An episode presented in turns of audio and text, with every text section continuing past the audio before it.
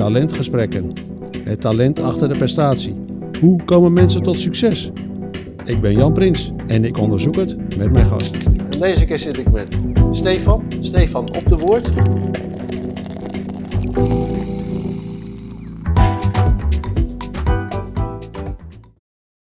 Maar er is natuurlijk nog nooit een mens veranderd met een setje inloggegevens voor een website.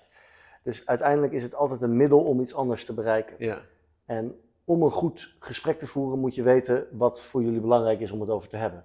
Dat betekent dat je daarover moet nadenken. De zijn niet allemaal briljante coaches. HR zou dat heel graag willen. En dan kunnen we natuurlijk heel lang blijven roepen, wij hebben niet de goede leidinggevende. En dan zeg ik altijd, maar ja, als ik dat bij elke organisatie hoor, dan is dit het gewoon. Integration kills innovation. Dus hun gedachte is, kills innovation. ja, dus als wij je verplicht gaan vertellen, nou moeten jullie samenwerken, dat werkt niet. Dat talent heb ik niet, zullen we het zo doen? ja, dan kom je goed weg. Ik weet niet of jij dat talent niet hebt.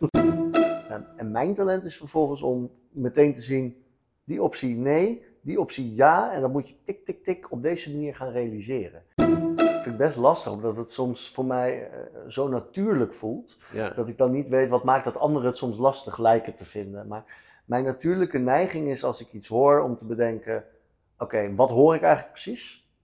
Wat vind ik daar eigenlijk van? Wat is dan het meest verstandige? En voor mij is dat dan een soort trechter. En dan zeg ik, ja, dus dan is dat het besluit. Omdat ik de neiging heb om relatief snel te denken dat ik weet waar iemand naartoe wil. En dat ik vaak een eigen beeld heb van wat ik belangrijk vind. En dat ik dan de neiging heb om sturend te zijn in een gesprek. En dan vergeet ik echt te luisteren. Er was last van, dat je denkt, eh, ik, Ja, ik had beter moeten luisteren. Ja relatief vaak. Ik herken het volledig. Het tweede wat er bij me gebeurt is dat ik denk, oh, als iemand anders dit zou horen, kan ik me goed voorstellen dat ze dit als iets heel negatiefs ervaren. Ja. Dus, waar Nou. dus Ja. dat, dat gebeurt er bij mij. Laat Ja, ik het dan zo zeggen. Ik denk, oh, nou, ik weet niet, als iemand anders dit hoort, denk ik misschien dat ze denkt, jeetje, wat zit daar voor een persoon? Dus die twee dingen eh, gebeuren. Ik herken het heel erg. En ik besef me ook dat eh, in onze maatschappij dit niet per se als een eh, krachtig of een positief iets wordt gezien, maar soms juist als een negatief iets. Emotie is voor mij een ander woord voor ehm, ongefilterde ratio.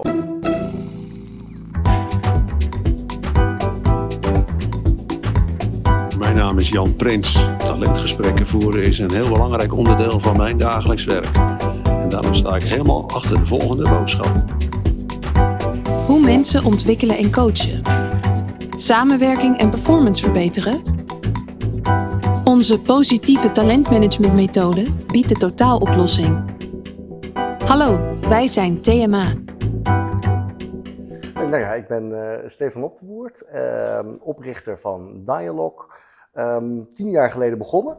En ja, op dit moment vooral bezig met het ondersteunen van organisaties die veel meer willen inzetten op het goede gesprek. Ja, het goede gesprek. Ja. Wat is voor, laten we zeggen, vanuit dialog bezien nu een goed gesprek? Hoe moet ik dat? Ja. Nou, ja, dat is natuurlijk helemaal hot hè, op dit moment. Want Ja, iedereen heeft het over we moeten het goede gesprek voeren. ja, ja. Ik, ik maak vaak een onderscheid tussen twee dingen. Het goede gesprek over de goede dingen. En als je wil leren hoe je een goed gesprek moet voeren, dan ga je naar trainingen. Of dat nou bij Schouten en Nelis is, of bij ICM. En dan leer je hoe je goede open vragen moet stellen.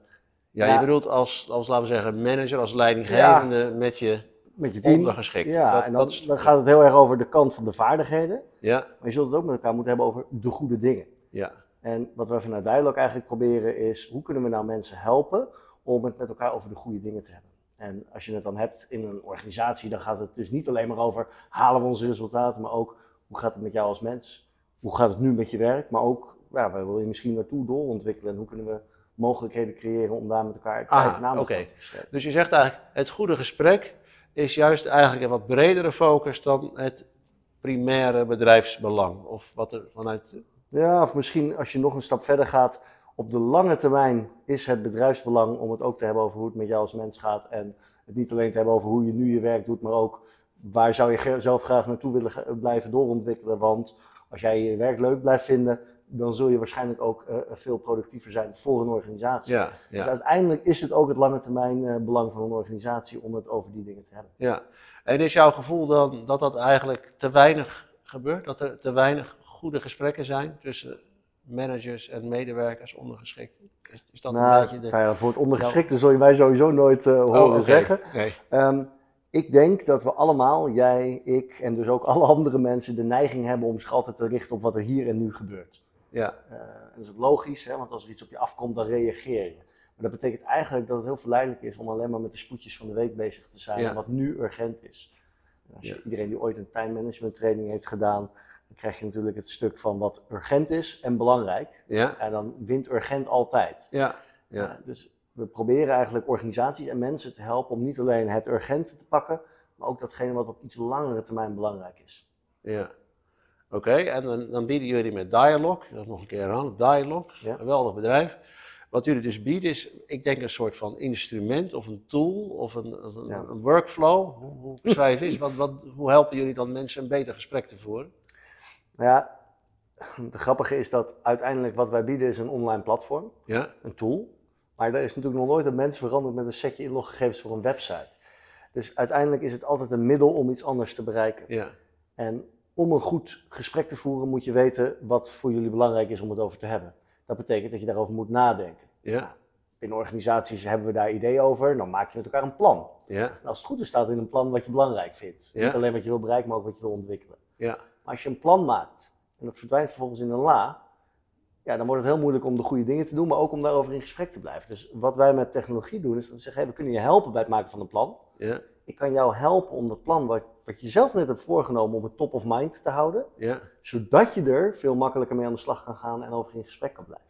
Dus we, bieden, we halen eigenlijk drempels weg voor mensen om aan de goede dingen te denken, om ermee aan de slag te gaan. En om er vervolgens met elkaar in het echte leven Ja. over in gesprek te gaan. ja. ja, En het idee is misschien ook dat je, omdat je daar dan een keer met verstandige mensen een keer goed over nadenkt, dat je dan mensen een soort richtlijn kan geven.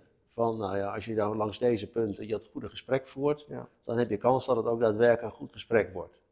Ja, nou, dat is denk ik wel mooi gezegd. Hè? Dus uiteindelijk, ehm, leidinggevenden zijn niet allemaal briljante coaches. Hè? HR zou dat heel graag willen.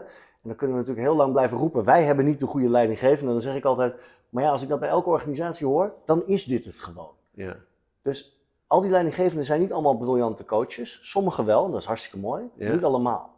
Nee. Maar wat alle leidinggevenden eigenlijk met elkaar gemeen hebben, is dat ze uiteindelijk succesvol willen zijn met hun team. ja, Dus als de intentie wel is om met elkaar succesvol te zijn, maar ze zijn geen ultieme coaches, kunnen we ze dan helpen, de leidinggevende, om het toch op het goede moment over de goede Ja. dingen te hebben. ik snap. En voor de medewerker de eigen verantwoordelijkheid daarin om ook zelf natuurlijk aan de slag te Ja, gaan. ja.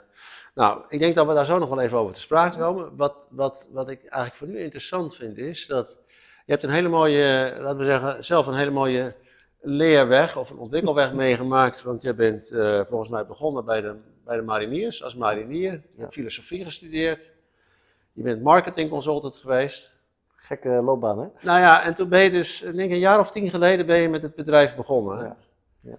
Eh, wat, wat ik echt boeiend vind is, hoe, eh, vertel eens, hoe, heb je nou, hoe ben je er nou bijgekomen om dit bedrijf te beginnen? Wat Ja. was daar nou de aanleiding voor? Hoe dicht zat die bij jezelf ook? Nou ja, dat, als je, veel ondernemers zullen dat herkennen. Maar zelfs als je geen ondernemer bent, kun je er vast wat bij voorstellen. Ja, De, de dingen waar je wat mee wil doen, zijn vaak iets waar je eerst tegenaan liep. En dat je denkt, nou, Ja. waarom doen we dat toch met elkaar zo? Hebben we allemaal wel zo'n gedachte. Nou, als ik het zou doen, ja, Nou, dat had ik ook. Dus ik werkte bij een organisatie en we hadden een groot team.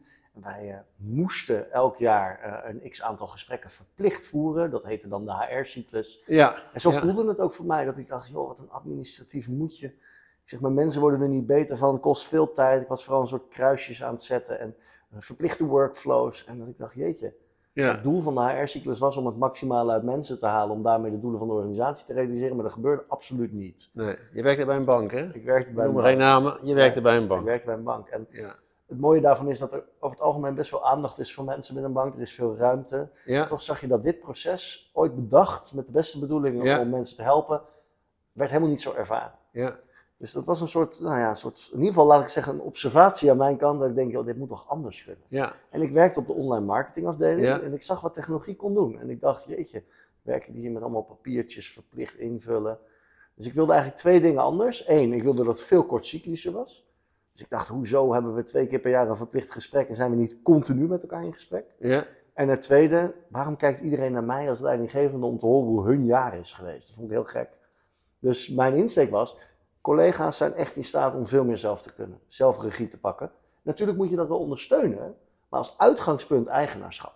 Nou, die twee, dat was mijn fascinatie en dat ik dacht, ja, volgens mij ga ik het, gaat het me niet lukken om dat hier binnen zo'n grote Nee. organisatie te veranderen. Maar Heb ik je dat wel geprobeerd? Was jij een, eh, een innovator in dat bedrijf, dat je eerst dat probeerde? Nou, ik denk, en ik weet niet of ik dan de innovator was, maar dat dat meer mijn toenmalige directeur en huidige compagnon was. Oh, Ehm, Jochem, Jochem Aubel, die heeft de neiging om te kijken, oh ja, regels, mooi, wat kan ik gebruiken en vooral zelf blijven nadenken. Dus hij was al heel erg bezig om, hoezo functieprofielen? We kijken gewoon naar wat we nodig hebben en wat iemand kan. Dus dat idee van talenten matchen op wat je nodig hebt, dat zat er bij hem heel erg in. En omdat wij een nieuwe afdeling waren, online Ja. marketing, 60 man, dan kom je een heel eind weg, totdat op een gegeven moment natuurlijk zo'n organisatie merkt, hé hey, wacht even, we gaan toch meer kaderen. Dat was voor ons ook een heel natuurlijk moment om te zeggen, Misschien moeten we eens kijken om die visie die wij hebben op wat mensen nodig hebben om wel het maximale eruit te halen, vanuit eigenaarschap, en daarover met elkaar in gesprek te blijven, of we dat eh, op een wat grotere schaal dus je hebt eigenlijk jouw, jouw baas verleid om met jou een bedrijf te beginnen. Nou, ik Ja, niet, ik weet niet, ik weet niet of ik hem verleid heb of juist andersom. Ehm, ik denk Ja, je had eerder- allerlei ideeën en toen zei hij van, Ja. joh, eh, Nee, maar het was echt samen. Dus ehm, ik, ik, Jochem van ons twee is meer de innovator, is degene die vaak met dit soort nieuwe ideeën komt. ja, En ik ben dan eh, vaak het talent om dan te kijken van, hé, hey, hoe zou dat dan in de praktijk kunnen werken? En samen hebben we toen gezegd, jeetje, wat zou het mooi zijn als wij dit op een andere manier zouden kunnen doen. oké. Nou, vertel eens. Dus jullie hebben toen allemaal braaf ontslag genomen? Ja, of een, precies, zo gaat dat voor dan. eh, vastgesteld, laten Ja, vaststellen. Ja, zo gaat dat bij een bank dan. Ja, ja. Ja. En eh, toen ben je, zei je dus echt gewoon voor de Ja, echt klassiek investeren erbij gehaald? Of, eh, ja, eerst gewoon aan de keukentafel samen begonnen. En dan eh, vol enthousiasme dingen bedenken. En inderdaad, eh, gelukkig waren we in staat om op basis van ons enthousiasme ook andere mensen nou, te inspireren. Mensen die ook bereid waren om niet alleen te zeggen dat ze het een mooi idee vonden, maar ook bereid waren om daar financieel aan bij te dragen. Ja, En zo konden we eigenlijk een eerste start maken. Ja. ja. En dan, ja, dan ga je allemaal onder fases door. Eh, nou, en uiteindelijk staat er nu tien jaar later een heel mooi bedrijf. ja. En hoeveel, eh, vind ik altijd boeiend, hè? want je begint met een idee. eh, en dan begint ik eigenlijk ook de harde werkelijkheid komt heen. En hoeveel heb je nou zitten pivoten? Nee, het moet toch anders. Ja. hoe, hoe, hoe, hoe ingewikkeld proces is geweest voordat je eigenlijk het product had waarvan je dacht, ja, dit is, dit is wat klanten willen en waar ik zelf achter sta. Hoe lang ben je daarmee bezig geweest? Ik zou zeggen, de eerste zes jaar Oh. hebben we gebruikt om het, een concept helemaal neer te zetten, totdat we tot de conclusie kwamen, hé, hey, mensen doen niet wat ze horen te doen. dus als mensen deden wat ze zeggen dat ze deden, werkte het fantastisch. Maar we liepen ook tegen allemaal barrières aan. En dus, nou ja, vier jaar geleden hebben we het roer echt omgegooid. En dat, jij noemde net het woord pivot, Ja. het Engels woord voor een draai maken. Ja, Maar vanuit het positieve, dat, dat je iets leert. Je loopt tegen iets aan, je leert iets. En je hebt hele kleine draaitjes, en dat noemen we een soort continu verbeteren. Maar er komt zo'n moment dat je denkt, ja, ik kan wel blijven continu verbeteren, maar dit is niet de weg. Vier jaar geleden hebben we het roer echt omgegooid. En dat is uiteindelijk de, ja, wat we dan noemen de gouden greep geweest. In de zin dat we toen iets te pakken hadden wat, echt aansloeg. En dat was het goede gesprek? Of, of, ja, eh, dat was dus echt heel erg het idee van, we zaten veel meer daarvoor op een, ehm, een veel vrijblijvendere vorm van eh, mensen helpen in ontwikkeling. Ehm, dus het ging heel erg over persoonlijke reflectie. Als jij met eh, iets aan de slag wilde, dan kon je dat doen. Maar we merkten dat we iets nodig hadden om dat meer te kaderen, meer te borgen in een organisatie. En toen kwamen we dus uit bij, in het Engels noemen ze dat performance management, in het Nederlands die HR-cyclus. Echt dat haakje van dat, die formelere kant, wat niet werkt, om dat makkelijker, efficiënter en leuker Ja, ja. te maken. En zo kwamen we bij Dialog uit. Ja. Ja. Ja, dat was natuurlijk een goede greep, want eh, dat is een, een moetje. Hè? Juist binnen dat moetje zit natuurlijk ook je, je klantpotentieel. Want ze moeten wel iets en het kan een stuk beter. Nou ja, organisaties willen heel graag iets, hebben iets bedacht wat nu voelt als moeten. Ja, En dus is er heel veel potentieel om het beter te doen. ja precies. Ehm, en heel erg vanuit die positieve insteek gaan kijken van hoe zouden we dan organisaties en uiteindelijk de mensen die daar werken eh, eh, ja, kunnen helpen. Ja. En vier jaar geleden dus. Toen je dat deed, toen, toen stroomde de klant ineens toe. Ja, dus toen bleek dat de filosofie die we altijd al hadden, waar mensen ook altijd al enthousiast over waren, in één keer was er een haakje waardoor het voor mensen ook heel makkelijk was om dat eh, door te vertalen naar hun eigen organisatie. Dus daarvoor zeiden ze, oh wat leuk, we gaan een training doen, laten we eens kijken of we dat kunnen borgen. En hierna was het, maar wacht even, we doen dit op veel grotere schaal. Dat heet performance management of de gesprekkencyclus of tegenwoordig het goede gesprek. Ja. Allemaal woorden om hetzelfde te uiten. We willen mensen op weg helpen om aan de slag te gaan, om daar met elkaar over in gesprek te blijven, Ja. zodat we steeds beter worden. Ja. En, nou ja, daar hebben we iets heel moois voor ontwikkeld. Ja, oké. Nou, en toen even weer fast forward, voor mij een jaar geleden. Toen kwam er een best wel groot en bekend eh, bedrijf langs. Ja. Kunnen we die naam noemen? Wat mij betreft wel, dat is geen geheim. Je bent nu onderdeel van de Visma-vloot. Ja. Ja. Eh, vertel eens, hoe eh, stonden zij bij jou op de deur? Want we willen jullie er graag bij hebben. Was Ja. je zelf, hoe, hoe is dat proces gegaan? Nou ja, kijk, onze doelstelling is altijd geweest zoveel mogelijk mensen helpen om het Ja. maximaal uit zichzelf te halen. En dat kun je natuurlijk op twee manieren doen. Dat kun je doen door natuurlijk te groeien. Dat, hebben we gedaan de afgelopen jaren. Ja, Ehm, ja, de snelste manier is natuurlijk om andere organisaties die op eenzelfde manier kijken, eh, ja, dat mee te laten nemen in hun aanbod aan klanten. En Visma kijkt eigenlijk naar de markt en zegt, ja, we kunnen alles proberen zelf te doen. Maar dat vind ik heel mooi van Visma. Die zeggen, maar er zijn anderen die dat misschien al lang heel goed kunnen. En zij hebben dus gekeken en sommige dingen deden ze al heel goed. ja. En sommige zeiden, ze, ja, daar hebben we eigenlijk nog helemaal geen mooi aanbod Ja, voor. ja. En, Zij waren echt op zoek naar een, een Ja. product zoals jullie hadden. En zij noemen dat dan de, de filosofie dat ze de best of class zoeken. Dus ze kijken in elk marktsegment welke vinden zij vanuit hun perspectief Ja. koploper. Ja. En kwamen bij ons uit. eh, en wat, nou, ben je natuurlijk heel vereerd. Ja, Maar vooral een beetje zorgen dat je denkt, hoe zou dat zijn in zo'n grote organisatie? En maar uiteindelijk is het zo mooi om te merken hoe Visma heel erg vanuit het idee, je bent niet onderdeel van een groot bedrijf en nu gaan we je van bovenaf vertellen wat je moet doen. Nee, volledig omgedraaid. Eh, voor iedereen die wel eens dat boekje van Eckhart Wins heeft gelezen, Eckhart's Notes. ja, Als je het niet hebt gelezen, echt een aanrader.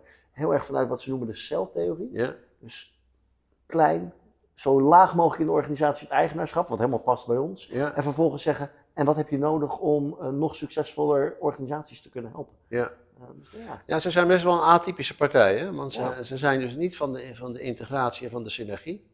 Of misschien wel van de synergie, maar niet wel van de, van de synergie. Nou ja, de filosofie is, die ze uit is, nee, misschien moet ik even anders beginnen. Kijk, wat je altijd hoort bij een, een, eh, voor degene die daar iets van af weten, als je hoort van mergers en acquisitions, overnames, we gaan een bedrijf kopen, want dan kunnen we samen synergievoordelen hebben. Oftewel, je had twee staffen, dat voegen we samen, dan hebben we minder Precies, kosten. ja. De praktijk is altijd anders. Het creëert meer romslomp, eh, minder focus richting klanten. Dus uiteindelijk blijken heel veel van dat soort overnames uiteindelijk niet succesvol.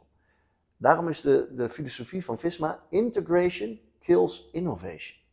Dus hun Integration gedachte is: kills innovation. ja, dus als wij je Ja. verplicht gaan vertellen, nou Ja. moeten jullie samenwerken, dat werkt niet. ja. Maar zij zeggen: Goh, beste ondernemers, wij denken dat jullie heel goed iets bij elkaar zouden kunnen doen. En als jullie dat ook denken, moet je het vooral gaan doen. En we halen alle barrières weg. Maar het is wel jullie besluit. Dus door dat eigenaarschap echt in die ondernemingen te laten liggen, gaan dus echt de partijen met elkaar samenwerken die er zelf ook in geloven.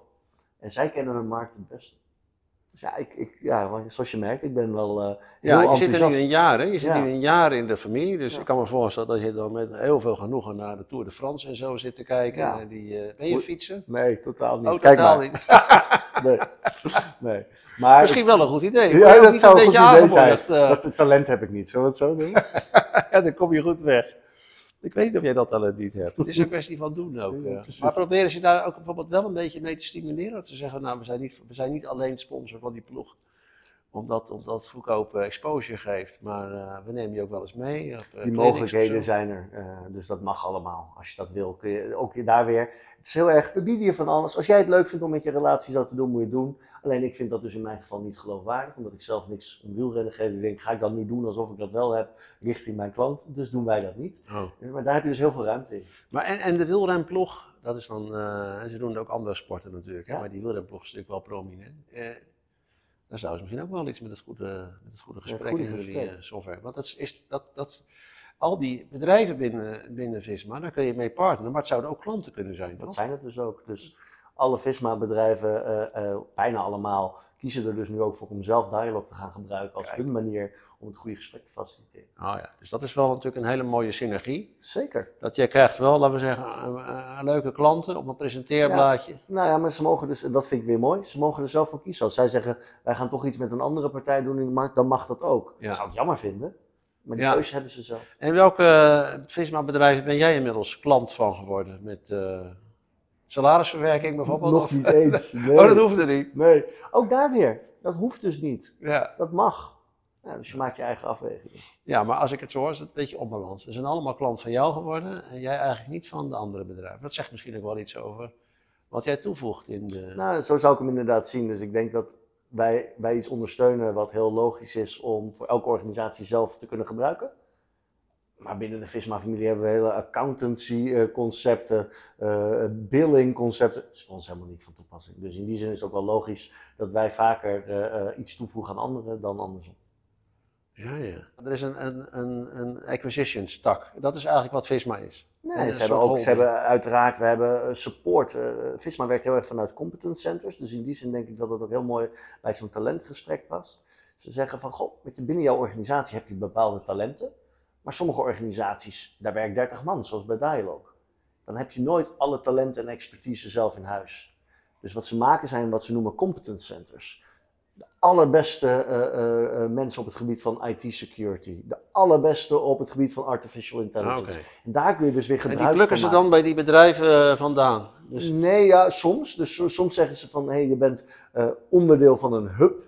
En dan draag je daaraan bij. Hè? Dus dat is heel erg vanuit die talentgedachte. Wat kun jij bijdragen, zodat anderen daarvan kunnen profiteren. En op sommige vlakken creëren ze dusdanige expertise dat echt in dienst is van de groep. Zodat je daar altijd bij kunt. Bijvoorbeeld eh, eh, mensen die heel erg veel weten van hoe kun je nou het beste eh, qua productstrategie iets doen. Nou, Daar hebben ze dan, dan zeggen ze, er zijn zoveel bedrijven die daar behoefte aan hebben. Daar gaan we echt expertise voor aantrekken. Maar dat hoef je dan dus niet elk als individueel bedrijf. ja, dan hebben ze eigenlijk, dat is eigenlijk een. Ja. Wat ze dan hebben. Ja. Oh, ja. Dat, feit, dat feit dat zij het zo doen, zou dat nou ook iets te maken hebben met het feit dat het een Noors bedrijf is en ook, laten we zeggen, een Noorse cultuur heeft? Dat ze niet zo opleggerig zijn. eh, Ik denk dat als je kijkt naar eh, aanleg, talent, maar heeft natuurlijk culturele aspecten. En als je kijkt naar de Nordics als, als regio, dat je daar natuurlijk ziet, wat wij in Nederland al, ook al hebben, maar in iets mindere mate. De, de mate van diversiteit, eh, de, de, de gender cap, hè, dus de verschil tussen man en vrouwen is daar natuurlijk veel meer in balans dan in de rest van de wereld, ook in Nederland. Als je bijvoorbeeld kijkt naar wat zij noemen de managing directors, dus dat zijn in Nederland zouden we dat de directeuren noemen van de verschillende Visma-bedrijven, bijna allemaal vrouwen. ja, In de Nordics. ja. Dus je ziet dat ja, daar de een- CEO is ook een vrouw, hè? is ook Ja. een vrouw, en. Merette, een, een- een- nou zeer capabel, inspirerend. Maar het mooie is dus, je ziet daar dus een manier van kijken naar het leven, naar werk. Ja, Het gaat altijd over balans, het gaat altijd over zorgen voor je mensen. En dat stralen ze dus ook heel erg uit. En Ja, dat past in ieder geval heel goed bij mij en bij Dialog. Hè. Dus Ja. die, die, ja, die cultural fit, die cultuurmatch, die, die voelden we heel sterk. En dat, je weet alleen nooit hoe dat dan in de praktijk gaat zijn. Dus ik, ik was vooraf dat ik dacht, nou, ik moet het nog maar even zien. Maar ja, achteraf ben ik meer dan blij met hoe dat in de Ja. praktijk er ook uitziet. ja, maar het leeuwendeel van hun bedrijf is natuurlijk in Nederland. Hier kopen ze zich helemaal suf. Terwijl het eigenlijk een Noors bedrijf is, maar volgens mij zitten er niet zo heel veel Noorse bedrijven in de, in de familie. Nou, dat, is, dat, dat weet ik niet zo. Dus ik, ik weet de aantallen niet. Maar ehm, Visma heeft een, een filosofie en daarmee een strategie die daaruit wordt afgeleid van als we iets doen, doen we het goed. En we hebben de tijd. En wat ze dus op een gegeven moment hebben gezegd Ja. is wij denken dat wat wij doen en de manier waarop we werken, dat er andere landen, regio's zijn die daar ook heel erg eh, gebaat bij zouden kunnen zijn als we het zo doen. Eén daarvan was Nederland. En dat noemden we de Benelux, maar feitelijk was dat Nederland. Nou, daar is John Reinders, is een ontzettend inspirerende leider zou ik willen zeggen. Niet eens de baas, maar echt een leider. Die heeft dat onder zijn hoede genomen en die bouwt inderdaad Nederland uit voor Visma. En dan zie je dus dat ze heel erg kijken van wie zou er nou echt iets toevoegen aan die familie. Dus soms lijkt het voor de buitenwereld, ja, ze kopen alles op. Nou, ze kopen niks op. Ze gaan in gesprek met andere organisaties en zeggen, lijkt het je waardevol hè, om je aan te sluiten. Ehm, maar Dat, dat uiteindelijk, is de vraag ook voor jou. ja, Dus niet hier is een zak geld. Nee, het lijkt het je waardevol om aan te sluiten. ja. Dus het is misschien ook helemaal niet de bedoeling dat jij het bedrijf gaat verlaten. Wat je natuurlijk vaak ziet, is dat mensen een bedrijf verkopen. Dat is denk ik een heel mooi voorbeeld. Ehm, dat zou je verwachten, toch? Hè? Dus iemand verkoopt zijn bedrijf en dan zijn ze weg. Als je kijkt naar alle bedrijven die Visma heeft overgenomen, altijd dus bijna van ondernemers, dan zie je dus dat na drie jaar, ik geloof nog 90% van die ondernemers in dienst blijft. Dus Moet je je voorstellen, je bent ooit ondernemer, Ja. je verkoopt je organisatie. Je wordt loonslaaf. Ja, Ja. maar zo voelt het dus niet. En dat komt dus door hoe het georganiseerd is. Dus dat, dat is denk ik heel Jij mooi. voelt eigenlijk nog steeds dat je alle ruimte als ondernemer hebt die je had Ja. voor Ja. eh, de maar overname. let op, 90% na drie jaar. Maar zo voel jij het ook. Omdat, en dat heeft dus te maken met dat mensbeeld waar je het eerder over had. Hoe kijk je naar mensen? Zijn het productiemiddelen? Of is het eigenlijk de kern van Ja. wat je hier doet? Ja. Dus je zou denken, onze kern is, we maken IT-producten binnen Visma. Mhm. Maar zo voelt het helemaal niet. Nee. We kijken met mensen, we proberen iets moois te maken. Shaping the future of society through technology. Dat is de, de, Ja. de filosofie eh, van Visma. En dat voel je dus ook heel erg terug. Ja. Nou, dat is natuurlijk mooi, hè? want dan zitten we natuurlijk helemaal op één lijn. Ja. Dus je kunt natuurlijk wel tegen mensen zeggen van dit en dat moet eruit komen. Maar als je geen rekenschap geeft van de talenten van mensen, Nee. ja, dan is het moeilijk. Maar die... Mag die- ik daar iets die- aan toevoegen nog? Ja, natuurlijk. Daar zit je hier voor. Ja. Ehm, kijk, je kunt zeggen dat je mensen belangrijk vindt, doen veel organisaties. ja, ja. En er is een hele mooie graadmeter hoe mensen naar je organisatie kijken. Dat heet binnen HR bekend de, de ENPS, de Employee Net Promoter Score. ja. Hoeveel mensen bevelen jouw organisatie aan en niet als, ze, als je het zou vragen, zou je dat aan kennis of vrienden aanbevelen. Binnen Visma wordt er niet alleen gezegd van we vinden mensen belangrijk, maar een van de allerbelangrijkste targets voor elke managing director is de ENPS van jouw organisatie. ja. Elke maand wordt die gemeten. Hoe blij zijn jouw mensen eigenlijk om bij jou te werken? ja. En daar gaan dus ook de gesprekken over. Dus op het niveau van het, van het management is het gesprek, hey, is dat plus 50, wat echt extreem hoog is? ja. Ehm, en wat ga je doen om het eh, eh, nog beter voor jouw mensen te maken? Nou, dat vind ik een hele mooie filosofie. Dat is dan denk ik wel een voorbeeld van een tooltje wat je nog niet had, maar wat je nu wel hebt geïmplementeerd gekregen als, eh, als lid van de Visma-familie. Ja, Ja. en tegelijkertijd, dat is dan weer het mooie, heeft Dialog ook zelf een engagement module waarmee we dit voor onze klanten ook zelf in beeld brengen en dat je daarop kan sturen. Ja, ja. Maar wat jij eigenlijk, ik vind het wel mooi, eh, Stefan, wat jij beschrijft is eigenlijk een beetje een proces hoe jij bent binnengehengeld eh, in de, in de Visma-familie. Ze zeiden van ja, we hebben goed nieuws en we hebben slecht nieuws. Je bent straks geen ondernemer meer, in theorie, want je wordt geacht je aandelen aan ons te verkopen. Maar je behoudt alle ruimte eh, die je had om het bedrijf sturing te geven zoals je zelf wil. Is, is dat een beetje de... Ja, het leuke is, eh, de woorden die je gebruikt zeggen natuurlijk heel veel over je eigen talenten. Ja, Jij gebruikt woorden als binnenhengelen en dat zou dus taal zijn die ik zelf niet zo snel zou gebruiken. Want dan, dan voelt het bijna alsof je, dat kan geïnterpreteerd worden alsof er iets van misleiding bij zat. Maar zo voelde het dus helemaal niet. En misschien het onderscheid tussen ondernemerschap en ondernemend zijn. Hè, dus misschien formeel ondernemerschap is degene dat je de baas bent, hè, klassiek.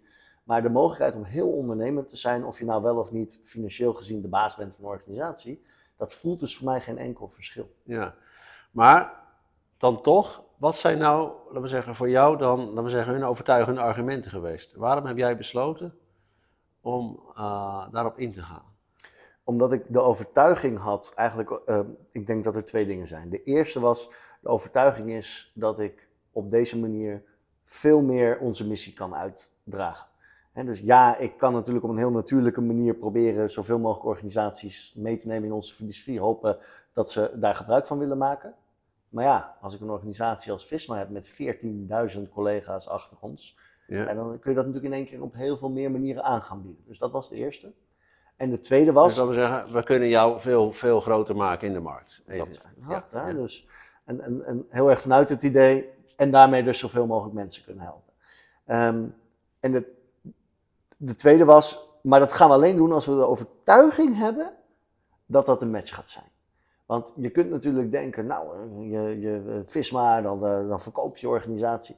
Maar als dat in de praktijk niet gaat werken en daarmee juist al je collega's weglopen eh, en juist de hele filosofie die het zo sterk maakt eruit gaat, dan hadden we het nooit gedaan. Ehm, en het mooie is dus dat er is, niemand heeft onze organisatie verlaten. Nee. Iedereen is blij dat we onderdeel zijn geworden van Visma. Nou, dat is, in die zin vind ik dat het een heel groot compliment aan hen. Eh, dat, je- dat je in staat bent om een organisatiecultuur neer te zetten. En wie je eigenlijk ook vraagt om uiteindelijk bij die familie te komen, dat ze het ervaren als iets als aanwinst. In plaats van, pff, we hebben er weer wat bij. Ja. ja, het is een prachtig verhaal. eh, Ja, toch? Ja, ik ben fan, zoals je hoort. Ja, ik ben oprecht heel enthousiast erover. Ja, ja. En nu je, laten we zeggen, na een jaar terugkijkt, zijn de verwachtingen die je erbij had, ja, ga je natuurlijk nu niet zeggen, maar die Ja, zijn hoor. natuurlijk helemaal Nee, die zijn overtroffen. Overtroffen. Echt overtroffen. Dus ergens in het begin dacht ik, nou ja, je weet het natuurlijk niet, groot bedrijf. Ehm, hopelijk heb ik er geen enkele last van in de praktijk. Weet je, sowieso zit je dan toch, althans ik met mijn achtergrond, eh, want, want je wil vooral hè, succesvol kunnen groeien. Ehm, maar ja, uiteindelijk merk ik dat ik zoveel mensen om me heen heb die helpen. Neem zoiets als eh, wat binnen Visma een board heet. Ja, Eigenlijk een advisory board, een adviesraad. ja, En in plaats van dat ik daar tegen twee bureaucraten zit die eh, eh, op een gegeven moment ergens door iemand anders op een post zijn gezet, zijn er vier andere ondernemers die allemaal een succesvolle organisatie hebben neer Ja. weten te zetten met honderden mensen.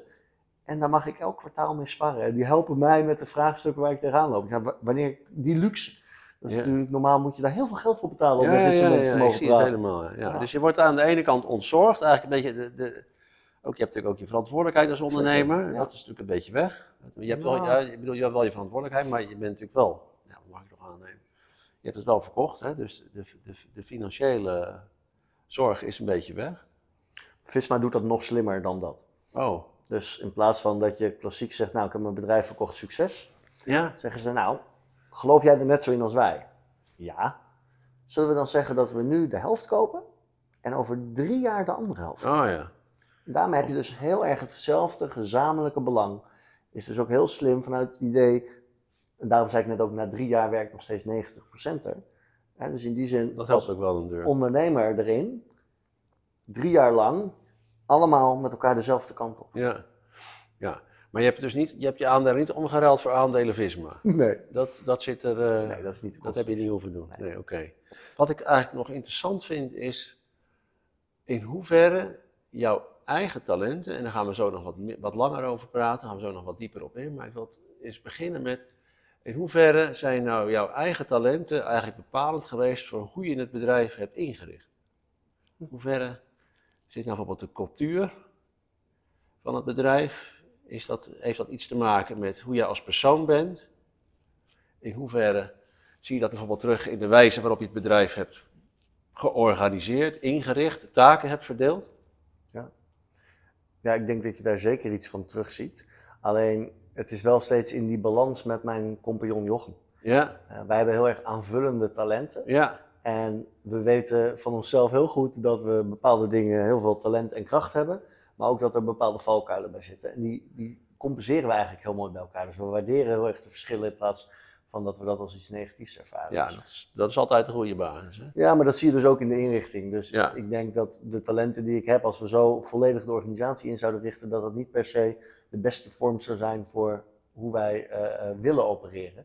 Dus in die zin is het eh, genuanceerd. Noem, noem eens een voorbeeld. Wat is een talent wat jij zegt, nou dat heb ik niet en dat heeft Jochem wel. En dat is nou echt iets wat, Wat ons helpt. ja? Nou, Jochem, en ik, ik schetste dat eerder in ons gesprek. Jochem heeft heel erg het talent om ideeën met elkaar te verbinden. Dus hij is heel innovatief, creatief in denken. Oh ja. Dus Jochem is degene die vaak met nieuwe ideeën Ja. komt. Kan conceptueel heel scherp neerzetten. eh, geanalyseerd waar we staan, waar we vandaan komen, wat opties zijn. Ehm, en mijn talent is vervolgens om meteen te zien, die optie nee, die optie ja. En dan moet je tik, tik, tik op deze manier gaan realiseren. Ja. En ja, die De combinatie zo- executiekracht. Dat, ja, maar executiekracht, dat is, maar dat is daadwerkelijk doen. Maar dus ook het, eh, eigenlijk die vertaalslag meer op detailniveau van hoe je het zou kunnen aanpakken.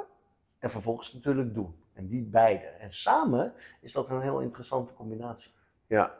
En, en ben jij ook dan degene die, laten we zeggen, de, de mensen die je dan in de organisatie hebt natuurlijk, die dan laten we zeggen, voor een stukje uitvoering moeten zorgen, Ja. die daar dan heel direct eh, op, op sturing aan begint te geven. Is dat ook Ja, ik heb wel de neiging om in ieder geval dat, eh, dat te doen. Eh, waarbij je ziet dat ik vooral degene ben die op, vanuit mijn extraversie, op eh, vooral de communicatiekant, het delen, eh, dit is de richting, aangeven hoe we dat willen gaan realiseren. Eh, terwijl Jochem zijn talent veel meer zit om het één op één niveau mensen daarin te begeleiden en te kijken wat Ja. ze nodig hebben. Terwijl ik dan vaak dat, eh, Ja. de neiging heb om dat soms uit het oog Ja, te voor de buitenwereld ben jij waarschijnlijk meer eh, de baas. Denk, om maar zo te Ik ben het boegbeeld, Ja. eh, zowel richting klanten als eh, misschien eh, als, je, als je zou vragen van goh, wie representeert Dialog, dan is het Stefan. Ja. Maar ik denk als je aan de binnenkant van de organisatie zou vragen, wie geeft echt richting aan de organisatie, dan is het Jochem. Ja, Dus nou ja, wat ik zei, samen is dat eh, iets heel moois. mooi. Ja. Ja, dat is een goede. En heb je dan, want jullie hebben natuurlijk al samengewerkt met elkaar, hè? Ja. Dus heb je al een beetje aan elkaar kunnen wennen. Ja. Eh, dus misschien dat het bij jullie dan wel mooi was voordat je begon, dat je ook eigenlijk al wist wat elkaars eh, sterke punten waren en hoe je daar optimaal gebruik van kon maken. Is dat zo ook zo? Ja, absoluut. Dus ehm, hoe Jochem en ik elkaar ooit hebben ontmoet was eh, bij de bank waar wij allebei werkten. Hij was daar, gaf leiding aan de hele online marketingafdeling. En ik had een koffiegesprek met hem. En na het gesprek zei hij, zou je niet in mijn managementteam willen komen? Dus mijn vraag was, welke functie heb je dan vrij? Hij zegt, ik heb geen functie, maar ik denk wel dat jij iets toevoegt. Dat kan ja. helemaal niet binnen een bank, maar hij deed het gewoon. En wat hij dus zag was dat idee van executiekracht, dingen oppakken en doen. Eh, vanuit een drijfveer om gewoon een besluit te nemen en gewoon te zeggen, nou, zo moet je het aanpakken. Nou, dat miste heel erg in zijn team. En hij is dus iemand die dat kan analyseren, kan zien en dus bereid is om mensen erbij te zoeken die dat hebben, wat hij zelf niet heeft. Nou ja, en ik kon heel erg waarderen dat iemand dat op die manier doet, eh, met Ja. nieuwe ideeën. Ja. En hoe kom jij dan tot die, eh, waar laat je dan door leiden als je, als je, laten we zeggen, die executiekracht probeert in te brengen? Ben je, Wa- Wat bedoel je met je vraag? Nou, wat zijn nou, waarom lukt het jou nou wel vaak om daar zaken voor elkaar te krijgen, Hmm. waar anderen misschien dan toch blijven hangen, of het ze eigenlijk niet, niet die power hebben die ze dan op dat moment nodig hebben? Heb je daar een idee? Ja, vind ik best lastig, omdat het soms voor mij eh, zo natuurlijk voelt. Ja. Dat ik dan niet weet wat maakt dat anderen het soms lastig lijken te vinden. Maar mijn natuurlijke neiging is als ik iets hoor om te bedenken: oké, wat hoor ik eigenlijk precies? Wat vind ik daar eigenlijk van? Wat is dan het meest verstandige? En voor mij is dat dan een soort trechter. En dan zeg ik, ja, dus dan is dat het besluit. En ik, dat gaat bij mij dan relatief snel. Dus ik kan er dan aan en zeggen, oké, zo gaan we het doen. Omdat Ja. ik dan dat voor mezelf heb afgeleid. Ja. Eh, En soms is dat heel goed. Soms gaat het ook iets te snel. Hè? Dan ben- kan ik daar wat ongenuanceerd in zijn. Dan ben ik te snel in mijn besluitvorming. En Ja. nou dan heb ik gelukkig collega's zoals Jochem die dan zeggen: "Wauw, Ja, ja. Laten we eens even kijken. Ja, ja. Maar je zegt wat verstandig voelt, hè? Dat is dan voor jou, dus zo, daar laat je, jij probeert eigenlijk te analyseren wat, wat de beste aanpak zou zijn. Ja. Daarin. Dat, dat bedoel je met verstandig. ja, ja, En eh, als je nou, laten we zeggen, verstandig kijkt, hè, dus, eh, dan, dan denk ik dat je dan kijkt naar, naar laten we zeggen, rationele, eh, feitelijke eh, overwegingen. Ja. Getallen, analyses. ja. Dus daar ben ik in die zin eh, gevoelig voor.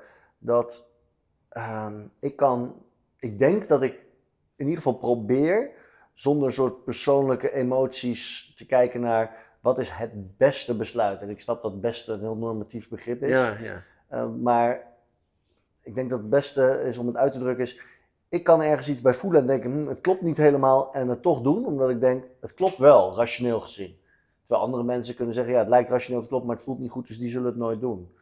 Um, en dat wil niet zeggen dat ik niet luister naar mijn gevoel, maar ik kijk wel of ik dat dan heel snel kan verklaren op een bepaalde manier. En soms er ook gewoon doorheen gaan. Ik denk, oké, weet je, ik weet ook niet 100% zeker, het is spannend, maar laten we het maar gewoon doen. En ja, dan corrigeren we wel als het niet goed is. Ja, ja.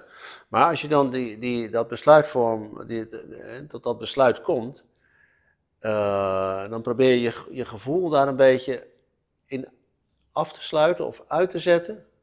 Ja, dat weet ik niet. Um, ik heb filosofie gestudeerd en emotie is voor mij een ander woord voor um, ongefilterde ratio. Oftewel, er komen oh. allemaal signalen ja. binnen en sommige kan ik plaatsen, en dat noemen we dan ja. rationeel, en heel veel dingen niet. En dat, maar het komt wel binnen. En dat, dus ergens wordt het wel geregistreerd, maar onbewust. En dat noemen we gevoel. Dus het is eerder dat als ik een bepaald gevoel heb, dat ik heel snel probeer te bedenken, waar zou dit vandaan kunnen komen? En meestal ben ik dan in staat om heel snel een, een oorzaak van dat gevoel te achterhalen. Dus ik blijf niet hangen met het voelt gewoon zo. Ik probeer eigenlijk dat ongefilterde ratio gefilterd te maken. Zonder dat ik het nu te ingewikkeld wil maken, maar ja, ja. dat is hoe het bij mij gaat. Dus dat ik denk, oké, okay, wacht even, dit voelt niet goed. Waar zou dat door kunnen komen? Welke oorzaken zie ik Maar heeft dat iets met je, met je, filoso met je filosofietraining te maken? Of dat je nou, ik denk wel dat, wel wat je probeert daar, te beredeneren? Ja, ja, dat je probeert te beredeneren.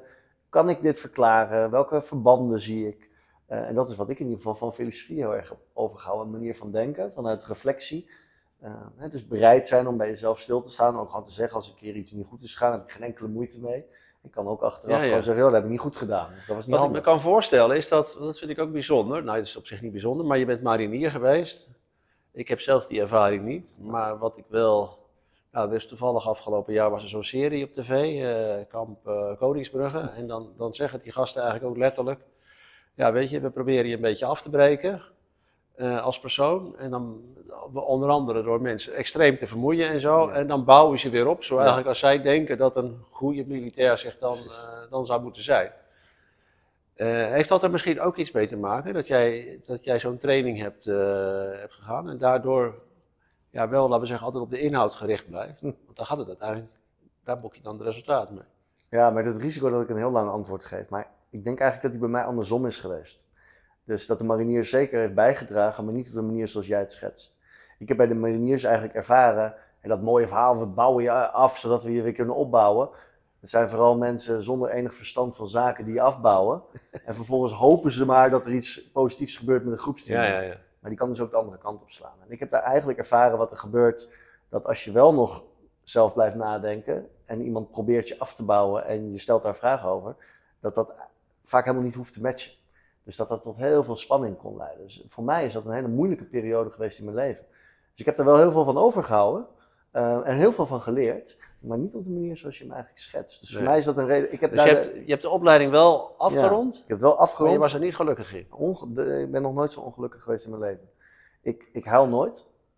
Wat ik trouwens dus niet iets positiefs vind, maar hè, dat gevoel van die emoties waar we het net over hadden. In die periode huilde ik elke dag. Zo ongelukkig was ik. Ja. En was dat omdat je dingen moest doen waar je zelf niet achter stond? Dat je de manier waarop je werd. Nee, ik kreeg te maken met ik, voor het eerst de, negatieve kant van groepsdynamiek ervaren. En dus we, hebben we praten nu over talenten en individuen. Maar als je mensen bij elkaar optelt en je krijgt groepsdynamiek, dan gebeuren weer nieuwe dingen. En ik was gewend vanuit mijn, ja, we hebben, hè, als je kijkt naar mijn talenten, Ja. er zit vanuit leiderschap en vanuit, vanuit daadkracht heel veel talent. Dus ik was altijd gewend dat ik ook die rol had in een groep. Ja. En ik kwam toen, ik was te jong voor de officierenopleiding en ik kwam met een manschap terecht. En, en niks slechts over de, de mensen die daar mijn collega's waren. Maar het was heel duidelijk, ik paste niet in die groep. En voor het eerst in mijn leven kreeg ik dus te maken met dat ik buiten een groep viel. En, en die groepsdynamiek, wat er dan gebeurt, dat vond ik best wel eh, beangstigend. Zeker als ik daar nu op, op reflecteer, dat je ziet wat een groep kan doen. En dat weten we natuurlijk historisch van Ja, alles ja. wat er in de wereld kan gebeuren. Waarin individueel best aardige mensen meegaan in een groepsdynamiek. Om maar vanuit we worden met z'n allen afgebouwd en we moeten toch als groep. Ik heb die, die negatieve kant gezien. Dus dat was voor mij denk ik ook wel een reden om daarna te zeggen, wacht even, wat gebeurde daar nou? En mijn fascinatie voor het menselijk gedrag. En dat ik dacht, ja, dat, dat, dat, dat wil ik toch eigenlijk wel meer snappen. En ook Ja. de maatschappij. En nou, zo ben ik uiteindelijk filosofie gaan studeren. Wat heb je, dat was, e- je hebt eerst die opleiding, eerst Ja. mariniersopleiding en daarna dacht je van, ik, Laat ik toch maar gaan studeren. ja ja, Ja. het is wel eh, grappig. Ik kan me ook voorstellen dat, want wat trok je dan aan eh, in, in eerste aanleg in het Ja. marinier zijn? het fysieke. Dus mijn beeld, eh, ik was heel erg bezig met sport in die periode. En, en ik, ik heb een mentaliteit waarin ik eh, graag de beste wil zijn. In eigenlijk alles, dat heb ik altijd gehad. Ja. En ik dacht, ja, ik was bezig met het fysieke. En ik denk, ik, ik, ik, ik had de middelbare school. En ik dacht, ja, leren, dat ging wel wel makkelijk af. Maar ik had niet iets wat ik wilde worden. Ik twijfelde tussen of kleuterleraar worden of marinier. Ja, toen dacht ik, laten we maar naar de mariniers gaan. ja, ik kan me voorstellen ja, dat je dan die keuze maakt. Maar dat was dus achteraf geen, misschien wel een leerzame periode. Het is heel leerzaam geweest en ik, ik heb nooit spijt van dingen. Want ik denk, ja, het is gewoon gegaan. En toen heb ik de keuze gemaakt op basis van die inzichten. Ik heb er wat van geleerd. Eh, maar als iemand me vraagt, zou je het opnieuw doen? Zou ik zeggen, nee. Ja, Ja, Als mijn zoontje zou zeggen, pap, zal ik dat ook gaan doen? zeg ik, nou, liever niet. ja. Vind jij jezelf een goede luisteraar? Nee. Nou, echt niet? Nee, ja, je stelt mij een vraag, nee. Waarom niet? Omdat ik de neiging heb om relatief snel te denken dat ik weet waar iemand naartoe wil. En dat ik vaak een eigen beeld heb van wat ik belangrijk vind. En dat ik dan de neiging heb om sturend te zijn in een gesprek. En dan vergeet ik echt te luisteren. Er was last van, dat je denkt, eh, ik, Ja, Ik had beter moeten luisteren. ja relatief vaak. Dus ik, ik, eh, in mijn. ehm, dus aan alles zitten natuurlijk positieve kanten en, en dus ook de valkuilen. Dus in mijn dadendrang en behoefte om snelheid te maken, eh, daar zitten positieve kanten aan. Maar dat kan dus ook betekenen dat ik soms eh, eh, luisteren lastig vind. Omdat ik denk, oh, het duurt zo lang. Of weet je, ik weet toch al lang waar dit naartoe gaat. En Ja. nou, oh, in mijn relatie met mijn vriendin is dat hartstikke lastig. ja. Laat ik daar verder niet op, eh, op doorvragen. Wat ik wel aardig vind, dan moet ik er wel even bij pakken. Is, je hebt natuurlijk zo'n talentanalyse gedaan. Jij hebt Ja. het woord zelf heel vaak laten vallen. Hè? Dus misschien even voor de, voor, de, voor de luisteraars en de kijkers nog natuurlijk. Kijk, wat wij een talent vinden, is niet dat je ergens goed in bent. eh, maar eigenlijk is dat een uitgesproken gedragsvoorkeur. Dus we meten al die drijfveren. En dan een van de drijven die we meten is eh, sociale empathie. En als je daar dan ja, mensen die heel vanuit zichzelf heel erg de behoefte hebben om zich helemaal in te leven in anderen en eigenlijk dit soort gesprekken. Ja. Ja, zijn heerlijke gesprekspartners, want die blijven maar luisteren, dus dan kan je heerlijk eh, praten. Ja, dat is dan we zeggen, de mensen die daar hoog op scoren en je kan daar ook laag op scoren. Dat is eigenlijk wat jij zelf al zegt. Hè? Ja. Ik, ik scoor daar heel, ik, jij dus, hè? jij zegt ik scoor daar laag op en dat klopt ook. En wat wij dan zeggen, ja, dat is niet slecht of zo. Ehm, maar, maar jouw talent is eigenlijk dat je dus, laten we zeggen, rationeel eh, denkt. Dat je eigenlijk veel meer afgaat op feiten dan wat mensen zeggen. Je laat je leiden door de feiten. Eh, en dat maakt ook dat je daardoor eigenlijk veel beter in staat bent om moeilijke beslissingen te nemen. Vaak de beste beslissingen neem je op basis van feiten. En dat je niet te veel laat leiden door wat de mensen tegenover je zeggen. Mhm. Aan de andere kant zien we natuurlijk, dat geef je natuurlijk ook al aan, dat empathie natuurlijk wel vaak gewaardeerd wordt in Zeker. de interactie ja. Wat ik heel goed Ehm, snap trouwens. met mensen. Wat zeg je? Wat ik heel goed snap. Ja, dat is ook zo natuurlijk. Hè? Dus ja, dat is altijd zo. Het is een beetje Cruyffiaans. Hè? Elk eh, voordeel heeft zijn nadeel, of elk nadeel heeft zijn voordeel. Maar mag ik jou eens voorlezen wat de, de, de TMA-methode, eigenlijk ehm, hoe de TMA-methode het beschrijft. En dan wil ik, ik ga dat citeren, dus het is een citaat, en dan wil ik eigenlijk eens kijken wat je daarvan vindt. Ga ik daarna op je reactie vragen. Dus ik ga het nu heel letterlijk voorlezen. Dus jouw talentsignaal is... Redeneert vooral feitelijk en functioneel, communiceert zonder omwegen, recht door zee, kan soms kort door de bocht overkomen, reageert vooral op feiten en duidelijk zichtbaar gedrag van anderen, bekijkt zaken vaak rechtlijnig, leeft zich alleen in als dat functioneel echt nodig is, kan zakelijk belang makkelijker prevaleren boven het persoonlijke belang en gevoelens van anderen, durft eerder harde beslissingen te nemen en moeilijke boodschappen te brengen die negatieve consequenties voor anderen hebben. Einde citaat. Nou, je een reactie natuurlijk. Dat was het idee, ja. ja. Nou, er, gebeuren, er gebeurt een aantal dingen eh, bij Ja. mij. Dus het eerste is, ik herken het volledig.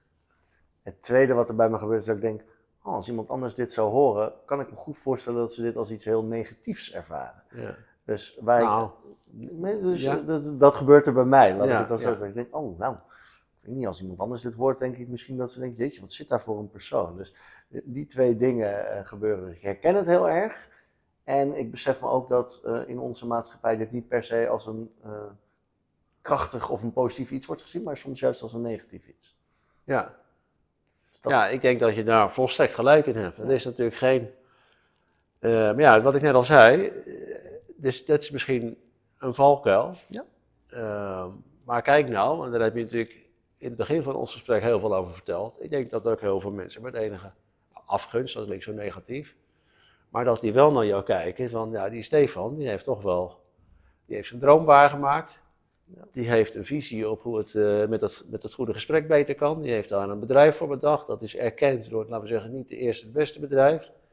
Die heeft een prachtige, prachtige positie. Ja, je bent toch een winnaar? Je, je hebt, Maar je hebt zit toch- daar niet een soort paradox bij nee, hè? Dus als je kijkt naar het goede gesprek enerzijds, en vervolgens noemen we net dit talent, wat misschien wel Ja. kan voelen als haaks, hè, als Ja. ik het zelf zo beluister. En Stefan, daarom- dat vind ik nou mooi dat je dat ja, zegt. nou ja, Dat was ook mijn trigger point. maar en ik denk dus dat daar het verschil in zit. Dat we kunnen er één ding uitpikken, wat waar is. Maar voor mij gaat het uiteindelijk, en daar gaat ook trouwens niet het goede gesprek over, maar wel ontwikkeling en, en, en in die zin ook talentontwikkeling. Het begint altijd bij reflectie. Dus het verschil denk ik is dat als je dit alleen maar als je talent ziet en denkt, nou ja, de rest moet zich maar aanpassen. Maar ik zie de waarde ervan in, maar ook waar het soms juist in de weg kan zitten. En daarom benoemde ik een paar keer al, juist de talenten van Jochem en van mij samen, en natuurlijk met alle andere collega's binnen deze organisatie, maakt dat het een succes is. Ik had dus helemaal niet succesvol kunnen zijn alleen op basis van dit talent. Voilà. En, en daar zit voor mij denk ik de crux. Dus kunnen inzien dat ja, het hoort bij mij, het is wie ik ben, zonder oordeel. Maar ook kunnen zien dat dat niet per se daarmee is, nou dat is gewoon wie ik ben. Nee. En soms is dat helemaal niet zo handig. En ondanks dat ik Ja. het dan zo voel, in staat zijn om te zeggen, maar dat is dus niet per se hoe ik hoef te handelen. Dus, ah, en, en- Nou, dat is mooi wat je zegt. Want je zegt aan de ene kant is het belangrijk dat je beseft dat er nu eenmaal altijd consequenties zijn, of altijd andere zijden van de medaille. Ja. Ehm, nou, dan zie je, dan is dit, laten we zeggen, ook een zijde van, van, van de medaille. Ehm, maar wat je tweede was, is eigenlijk nog van mooi. Je hoeft ook niet voor alles een team te hebben. Nee. Weet je? Jij hebt jouw dingen en zolang je gebruik kan maken van andere mensen die andere kwaliteiten inbrengen, weet je, samen ben je een team. juist, Maar dat is natuurlijk ook waar het wel eens misgaat. zeker. Want dat vereist dat je eigenlijk ehm, de kwaliteiten van anderen die anders zijn dan die van jou, dat je die wel, eh, laten we zeggen, erkent. Dat is een belangrijke, maar En ben je ook waardeert. Juist. En dat is natuurlijk waar het vaak... eh, Precies, want we zien er vaak, hey, het is anders, dus het zit in mijn weerstand. En ondanks dat het kan zijn dat sommige dingen van mijn collega's in mijn weerstand zitten, is dan vanuit die zelfreflectie dat ik me besef, maar wacht even, dat komt omdat ik eigenlijk doorschiet soms in mijn talent. Ja. En dan dus juist kunnen denken, even terugschakelen. En dat Ja. is niet altijd makkelijk. ja, En ik vraag het ook van anderen, want dan zeg ik, dat betekent ook dat jullie soms even moeten bedenken, oh, wacht, het is misschien niet mijn manier, maar hey, Stefan zorgt hier nu wel voor daadkracht en ja, let's go. ja. En, en samen maak je dan wat moois. Ja. ja, en dat is ook waar, we het daarover eens zijn, dat het, daar waar het vaak misgaat in bedrijven, zeker mensen in managersposities, dat ze eigenlijk op zoek gaan naar, laten we zeggen, mensen waarmee ze een klik hebben. En de klik is vaak dat ze een beetje op jou lijken. Ja. Eh, nou, dan heb je een goede klik, hè, dat is fijn. Ja. dan ben je maten. Eh, terwijl juist, laten we zeggen, de complementariteit, daar zit eigenlijk de kracht in. Ja. Maar vereist natuurlijk dat je dat ook waardeert. Ja. Dat je het andere waardeert. Ja, precies. Mooi, hè? Ja. Ja. Ehm, en het tweede, denk ik, en dat vind ik dat je dat ook heel mooi zegt, is dat begint met het inzicht van jezelf. Je kunt pas anderen leiden als je jezelf kent. Ja. Dus als je jezelf kent en weet wat je valkuilen zijn, dan weet je eigenlijk ook waar je die complementariteit Ja. moet zoeken. Ja, en daar dan ook vervolgens gewoon kwetsbaar in durven te zijn. Dus ook gewoon soms zeggen, goh, weet je, ik heb het zo gedaan. Ik kan me voorstellen hoe het op jullie overkomt. eh, maar snap je wel wat maakt dat ik het op die manier heb gedaan? Ja. Dus daar gewoon weer het, gesprek, het goede gesprek over aan kunnen gaan. Ja. Ehm, dus, Nou, dat vind ik ook een aardige, want dat zei je net zelf. En ik vroeg me af of. ehm, ben jij zelf een enthousiaste klant van je eigen product? ja, uiteraard. Uiteraard, hè? Ja. ja, dat is een beetje open deur. Ja, precies. Jij eet je eigen hondenvoer, Ja. hè, zeg ik dan eh, op mijn manier. Ehm, is dat ook. Misschien miste je het bij ABN Amro, of nee, het was, de naam van de bank was trouwens niet ABN Amro. Gaan de naam van de bank niet noemen, maar je werkte bij een bank. Dus niet ABN.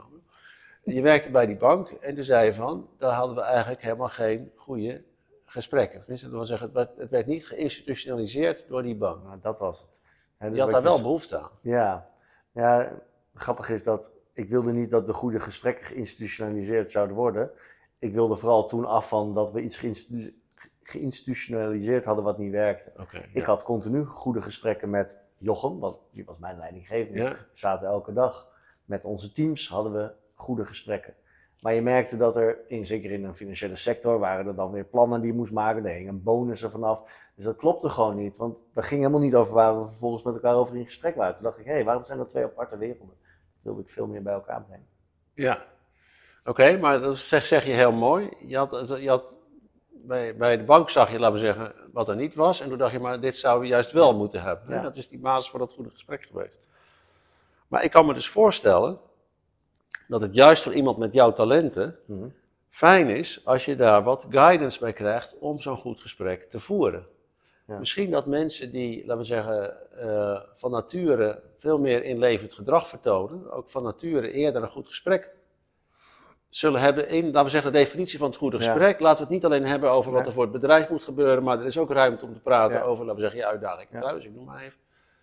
Dat dat niet zo in jouw eigen mentale systemen zit, In ieder geval niet van nature. maar, maar dat je door dat eigenlijk middels jouw tooling of juist ja. dat toch bij geholpen kan worden.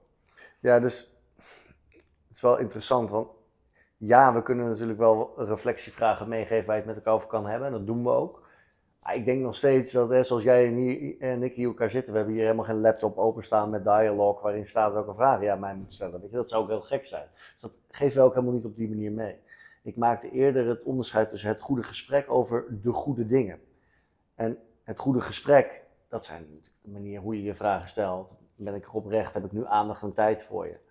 Maar de goede dingen, ja, dat is dus ook heel erg van, denk je überhaupt als. Individu na over wat je eigenlijk wil bereiken? Wat wil je eigenlijk ontwikkelen? Ja, En door mensen dus meer daarin zelf ook de regie te geven, vanuit de gedachte, wie weet nou beter wat voor jou nodig is dan jij, maar dan moeten we jou wel faciliteren. En als we je kunnen helpen om dat gedurende het jaar top of mind te houden, wordt het ook makkelijker om het over de goede dingen te hebben. ja. Dus in die zin wil ik niet mensen betere coaches maken. Van, want dat is denk ik dus de illusie van, ja jongens, dan, dan worden we alleen maar teleurgesteld. Want dat zijn nou eenmaal de meeste mensen niet. Ik ben ook niet de ultieme coach. Maar toch denk ik dat gemiddeld genomen mijn collega's heel blij zijn met de gesprekken die we voeren. ja. Want er is wel aandacht.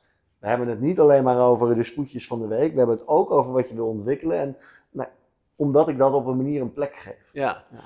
ja, dat vind ik mooi wat je zegt. Maar, ik geef je een voorbeeld. Eh, sommige mensen, die zet je ergens, die laat je los in de stad. En die weten dan op een of andere manier altijd de weg te vinden. Die hebben, laten we zeggen, wat we noemen een richtinggevoel. Ja. En andere mensen, die laat je los in de stad en die, raken, ja, die komen nergens. Die zijn volledig, nou.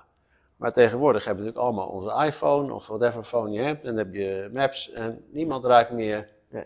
Dus een mooi voorbeeld vind ik van hoe technologie, Ja. laten we zeggen, eh, voor de een misschien eh, belangrijker is dan voor de ander. Want Ja. de een die redt zich wel en de ander die, die komt er niet zonder technologie. Maar het is, laten we zeggen, een, eigenlijk is technologie een beetje een extensie van onszelf die ons helpt. Op onze eigen beperkingen zou je kunnen zeggen. Het haalt drempels weg. Ja, en is dat niet een mooie parallel met wat, wat jullie doen? Dus misschien Zeker. voor iemand die, laten we zeggen, van nature wat minder, laten we zeggen, inlevend is. Nou, dan helpt het dat hij gewoon een soort checklist heeft van, nou, check dat, check dat, Ja. check, check dat.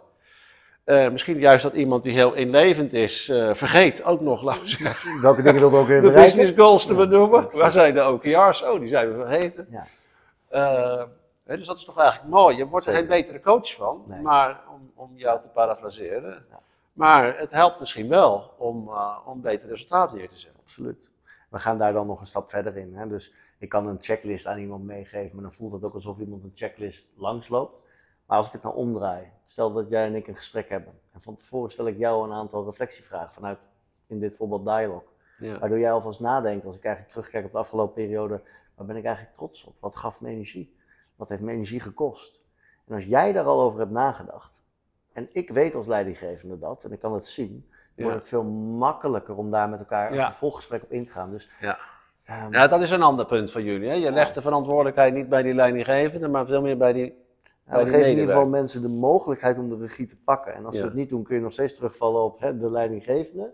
Maar het idee, de meeste mensen vinden het fijn dat ze invloed hebben op wat er in hun leven gebeurt. Alleen ook dat zul je moeten ondersteunen. Dus vroeger in een organisatie werd gezegd, ja, dat is mensen hun eigen verantwoordelijkheid. Ja, dat was een soort codetaal voor, we gooien het over de Ik schutting. maak me er niet druk op. Maar Ja. eigenaarschap zul je ook moeten faciliteren. Ja. Dat is een van de inzichten die ik echt heb opgedaan. Ja, maar dan wil ik jou graag een inzicht geven wat wij vanuit talentmanagement eh, toch ook hebben. Is dat net zoals de ene leidinggevende, het, laten we zeggen, van nature meer het, laten we zeggen, het medewerkersontwikkelend talent heeft dan Ja. de andere. eh, heeft ook de ene medewerker, om het dan maar zo eh, neer te zetten, heeft ook meer, laten we zeggen, behoefte aan, laten we zeggen, on-the-job guidance Ja. dan de andere. Zeker. Dus bijvoorbeeld zelfsturing, dat Ja. werkt voor sommige mensen heel goed. Ja. En voor anderen, jij bent daar een mooi voorbeeld van natuurlijk. Maar dat werkt voor andere mensen helemaal niet. Die voelen zich volledig in de steek gelaten. Ja. En die hebben juist heel veel behoefte aan. Geef mij nou duidelijke instructies. Ja. Vertel me nou wat ik moet doen. Dan weet ik wanneer ik het goed doe. Dan weet ik ook wanneer ik het niet Ja. goed doe. Help mij. Ja. Dus er is niet een one size fits all Nee. eh, eh, aanpak, eh, denk ik. En dat is natuurlijk wat het mooie is als je mensen hun talent een beetje Ja. kent. Dan kun je eigenlijk hun gebruiksaanwijzing. En dat zou misschien wel mooi zijn, Stefan, als we nou jullie aanpak, hè, eigenlijk meer procesgericht, zouden combineren met onze, we zeggen, inzicht over wat heb jij nodig. Ja, eh, helemaal eens. Dus uiteindelijk, ehm, als wij mensen helpen om voor zichzelf te bepalen wat ze willen bereiken en ontwikkelen, is mijn filosofie ook altijd, het begint met inzicht in wie je bent, wat je Ja. belangrijk vindt, waar je energie van krijgt. Dat helpt om te bepalen vooruitzicht, hè, wat wil je daarmee dan? Ja, Om vervolgens vooruitgang te kunnen boeken in de praktijk. Dus daar zit een logische volgordelijkheid in. En de een doet dat inzicht op omdat ze een fantastisch gesprek hebben met een coach of een leidinggevende. De ander doet een drijfverenanalyse bij TMA. Het zijn in die zin ook weer middelen, manieren om te komen tot inzicht. ja, Wij willen absoluut. mensen vooral helpen om vervolgens daarmee aan de slag te gaan. En er een plan van te maken, zodat je niet blijft hangen in, ja, hartstikke mooi inzicht. Ja, maar als je er niks mee doet, Ja, dat is toch zonde. ja. Nou, Stefan, dit klinkt als, je begon ermee met synergie. Dit klinkt als een geweldige vorm van eh, synergie die wij samen zouden kunnen hebben. Ik denk dat we dan wel de camera gaan uitzetten, dan gaan we daar nog misschien eens een keer over doorpraten. Voor nu wil ik je in ieder geval heel erg bedanken voor dit eh, goede gesprek. Graag gedaan. Ik vond het heel leuk om, jij zo, om je zo eh, te leren kennen, want eigenlijk zien we elkaar vanmiddag voor het eerst. Ja. Dus dat vond ik wel een, dat is een mooie manier om elkaar te leren kennen ook. Dus dankjewel. Ja, jij bedankt. Leuk. Ja, goed zo.